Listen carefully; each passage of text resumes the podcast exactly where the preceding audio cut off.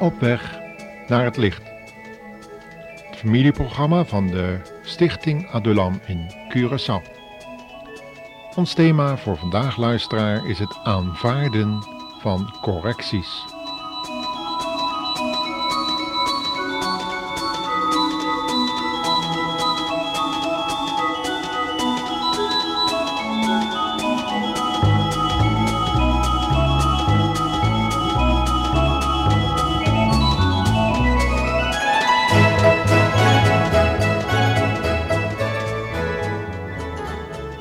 Kunt u het aannemen als u gecorrigeerd wordt door mensen die u niet kent of waarvan u denkt dat ze niet voldoende verstand hebben van zaken waarover u nu topt? Vaak ontdekken we juist onze hoogmoed wanneer we vastgelopen zijn en anderen te hulp moeten roepen om ons uit de misère te halen. Wat een moeite kost dat voordat we tot deze beslissing komen. En wat kost het dan ook nog een zelfbeheersing om aan te moeten horen waar we de fouten eigenlijk gemaakt hebben. Ik herinner me nog als de dag van gisteren hoe ik als aankomend medisch instrumentmaker vers van de schoolbanken, gewaardeerd vanwege hoge cijfers of prestaties, de praktijk inging. Een van mijn eerste opdrachten was het meehelpen maken van een ingewikkelde bandrecorder die moest zorgen voor opname van bijgeluiden in de ademhalingsorganen. Een hele eer, want alle onderdelen die gemaakt moesten worden, mochten geen grotere tolerantie hebben dan een paar honderdste millimeter. Eindelijk waren alle onderdelen klaar. Het apparaat werd volgens de tekening in elkaar gezet en de stroom ingeschakeld. Vol spanning wachten mijn chef en ik op het resultaat, maar er gebeurde niets. Het apparaat bromde en zoemde, maar het werkte niet. De chef, een vriendelijke en zeer geduldige man, keek het apparaat een kort ogenblik na, keerde zich toen met twinkelende ogen naar mij en zei dat ik het maar helemaal uit elkaar moest halen en elk onderdeeltje met de micrometer nauwkeurig na te meten. En als ik de fout gevonden had, mocht ik hem informeren en aanwijzen waar het begonnen was. Geschokt keek ik hem aan en vroeg of hij dan wist waar die fout zat. Lachend antwoordde hij dat hij dat inderdaad wist, maar hij weigerde het te vertellen, omdat een goede instrumentmaker meer van de fouten merkt en leert die hij zelf ontdekt heeft, dan als het ander het voorschotelt.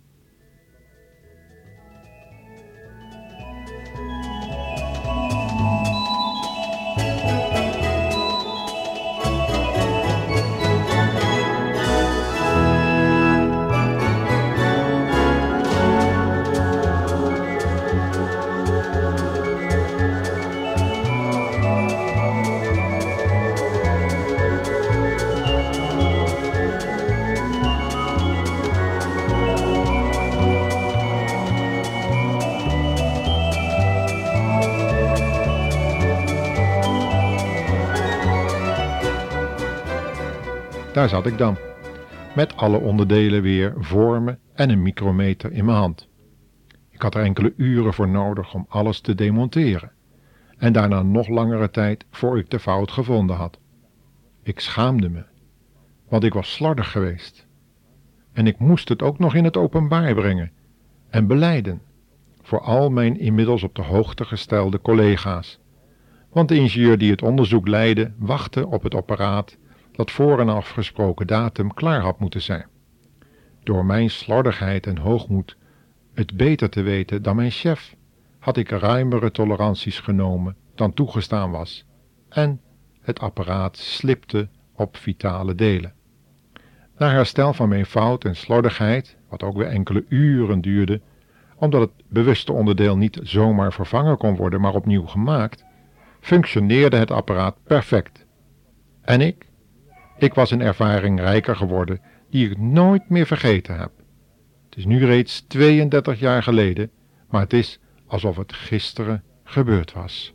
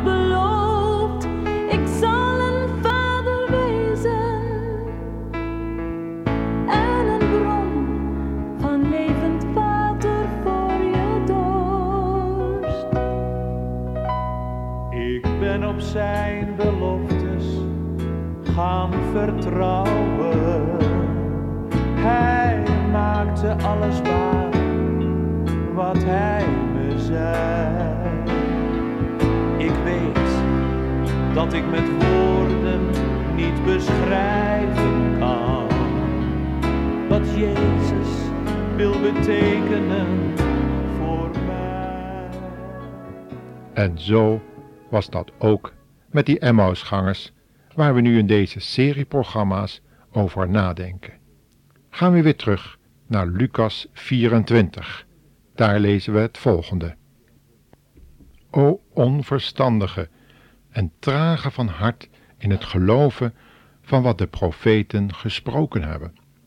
Moest de Christus niet deze dingen lijden, voor hij in zijn heerlijkheid kon ingaan? Wat zijn we vaak onverstandig in ons geestelijk leven? We raken teleurgesteld in God en mensen en geven vaak de omstandigheden of zelfs broeders en zusters de schuld, die ons met hun emotionele ervaringen verontrusten. Ons geweten begint te werken en het beschuldigt onszelf. En toch proberen we met Petrus op het laatste moment, wanneer we er niet meer onderuit kunnen, toch die andere broeder of zuster erbij te halen. Dat die toch ook niet brandschoon zijn. Wat enorm menselijk. En hoe begrijpen we dat van elkaar? Maar het antwoord van Jezus klinkt zakelijk en hard. Dat gebeurt wel vaker in het leven van ons discipelen. Toen ook de discipelen eens al hun zeemanskunst moesten inspannen om het schip in een vreselijke storm varende te houden, vroeg de Heer Jezus hun ook al naar hun geloof. Hij maakte opmerkingen over hun harde hart en vroeg waarom ze niet begrepen wat er gebeurd was bij het teken van die broden, waaruit zijn almacht immers zo duidelijk was, had kunnen opgemerkt worden.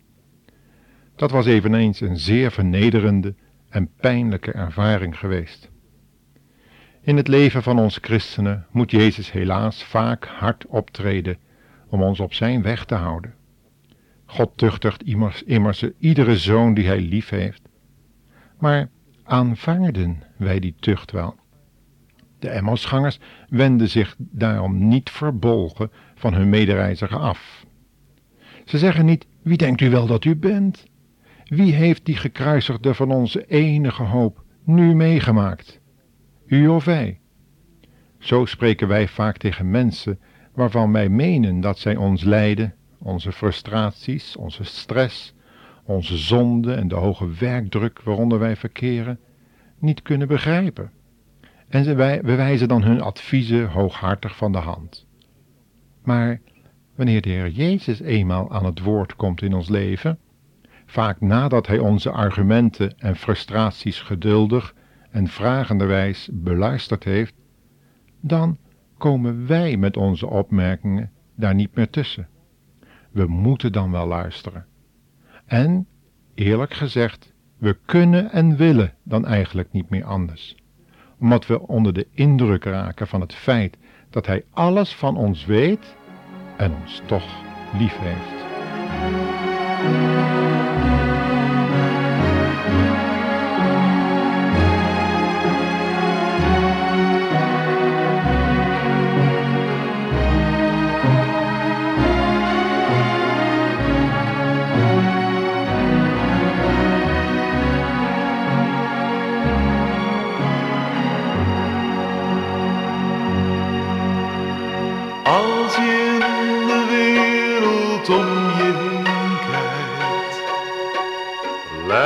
Soms of God ons echt verlaten heeft.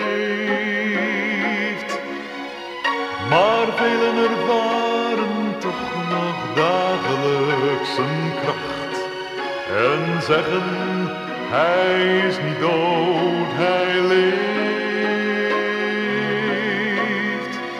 Zul meer vergeten dat hij ons steeds hoort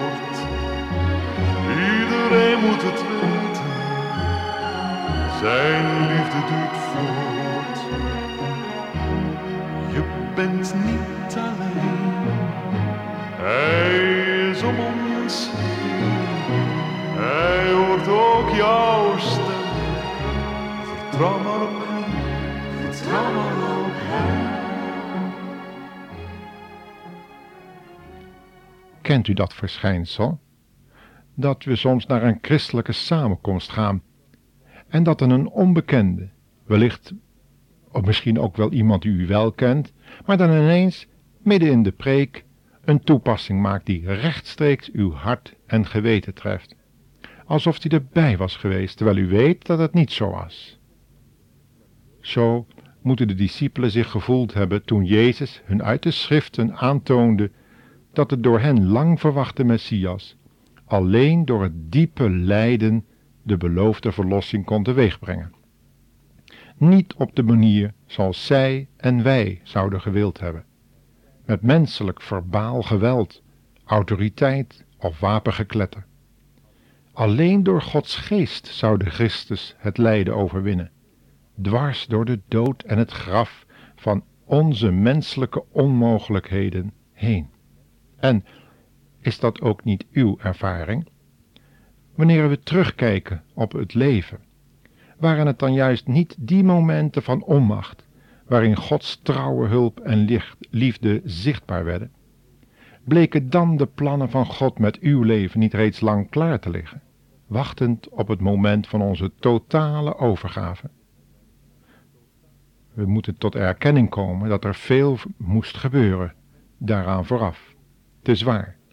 Er was veel verdriet, pijn en menselijk leed soms nodig, totdat we aan die radicale overgave toekwamen. Soms wanhoopten we aan de belofte van God en zijn enig eeuwige trouw, nietwaar?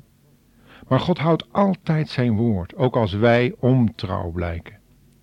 Petrus, samen met deze twee Emmausgangers, staan model voor u en mijn leven als christen. Jezus loopt of zit momenteel ook naast ons, luisteraar. En hij luistert naar ons. Hij wil antwoord geven op de noodzaak van het lijden in ons leven, het kruis. En ook al herkent u zijn hand er nog niet in, u heeft ook Maria Magdalena als voorbeeld daarin. Ook zij herkende door haar grote verdriet Jezus ook niet meteen in haar leven. En zo kan het zijn dat u zich verraden voelt door vrienden, broeders, zusters, familieleden. Het kan zelfs zijn dat u het geloof in de opstanding kwijt bent geraakt, omdat allerlei theologen daar alle verwarrende gedachten over hebben. Maar houd moed, Jezus leeft echt, ook in deze twintigste eeuw.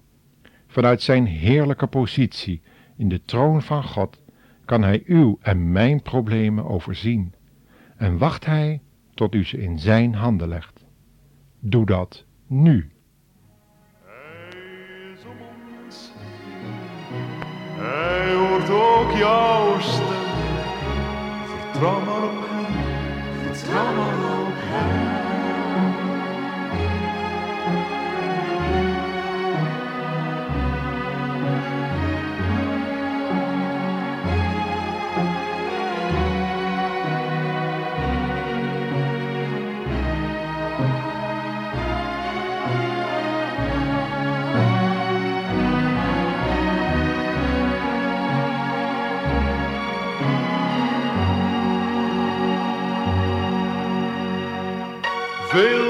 denken onze zonden zijn. Aan het slot van deze uitzending zal ik u een gedeelte voorlezen uit de eerste Petrusbrief, hoofdstuk 5, vers 7, waar we het volgende lezen. Werpt al uw bekommernis op hem, want hij zorgt voor u. Maar daaraan vooraf staat het volgende, wat u ook moet doen, wil deze heerlijke belofte in werking treden. Luister maar wat in 1 Petrus 5, vers 5 en 6 staat. God wederstaat hoogmoedige mensen, maar de nederige geeft hij genade.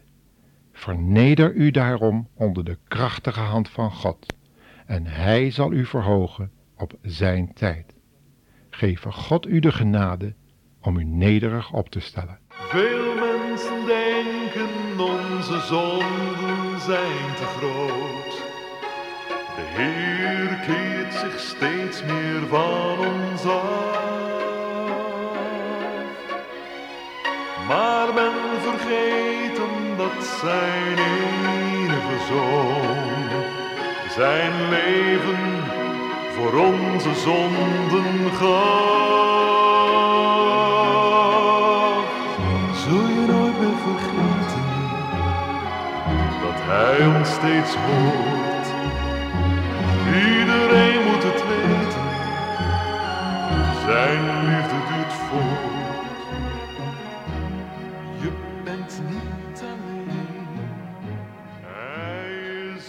eens. Hij hoort ook jouw stem. Vertrouw